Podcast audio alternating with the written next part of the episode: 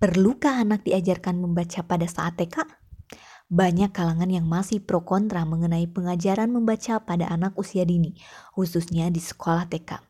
Ada yang berpendapat terlalu memaksakan anak, ada pula yang menyatakan penting agar tidak mengalami kesulitan belajar saat masuk SD. Biasa menyatakan pada usia 2-7 tahun, perkembangan anak sudah mulai memahami dan menggunakan simbol atau bahasa.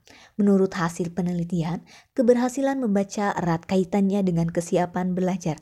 Salah satu aspek penting dalam kesiapan membaca adalah kesadaran linguistik, khususnya dalam kesadaran fonologi. Phonological instruction dirancang sebagai pengajaran kesadaran fonologi untuk mempersiapkan anak pada tahap pembelajaran membaca.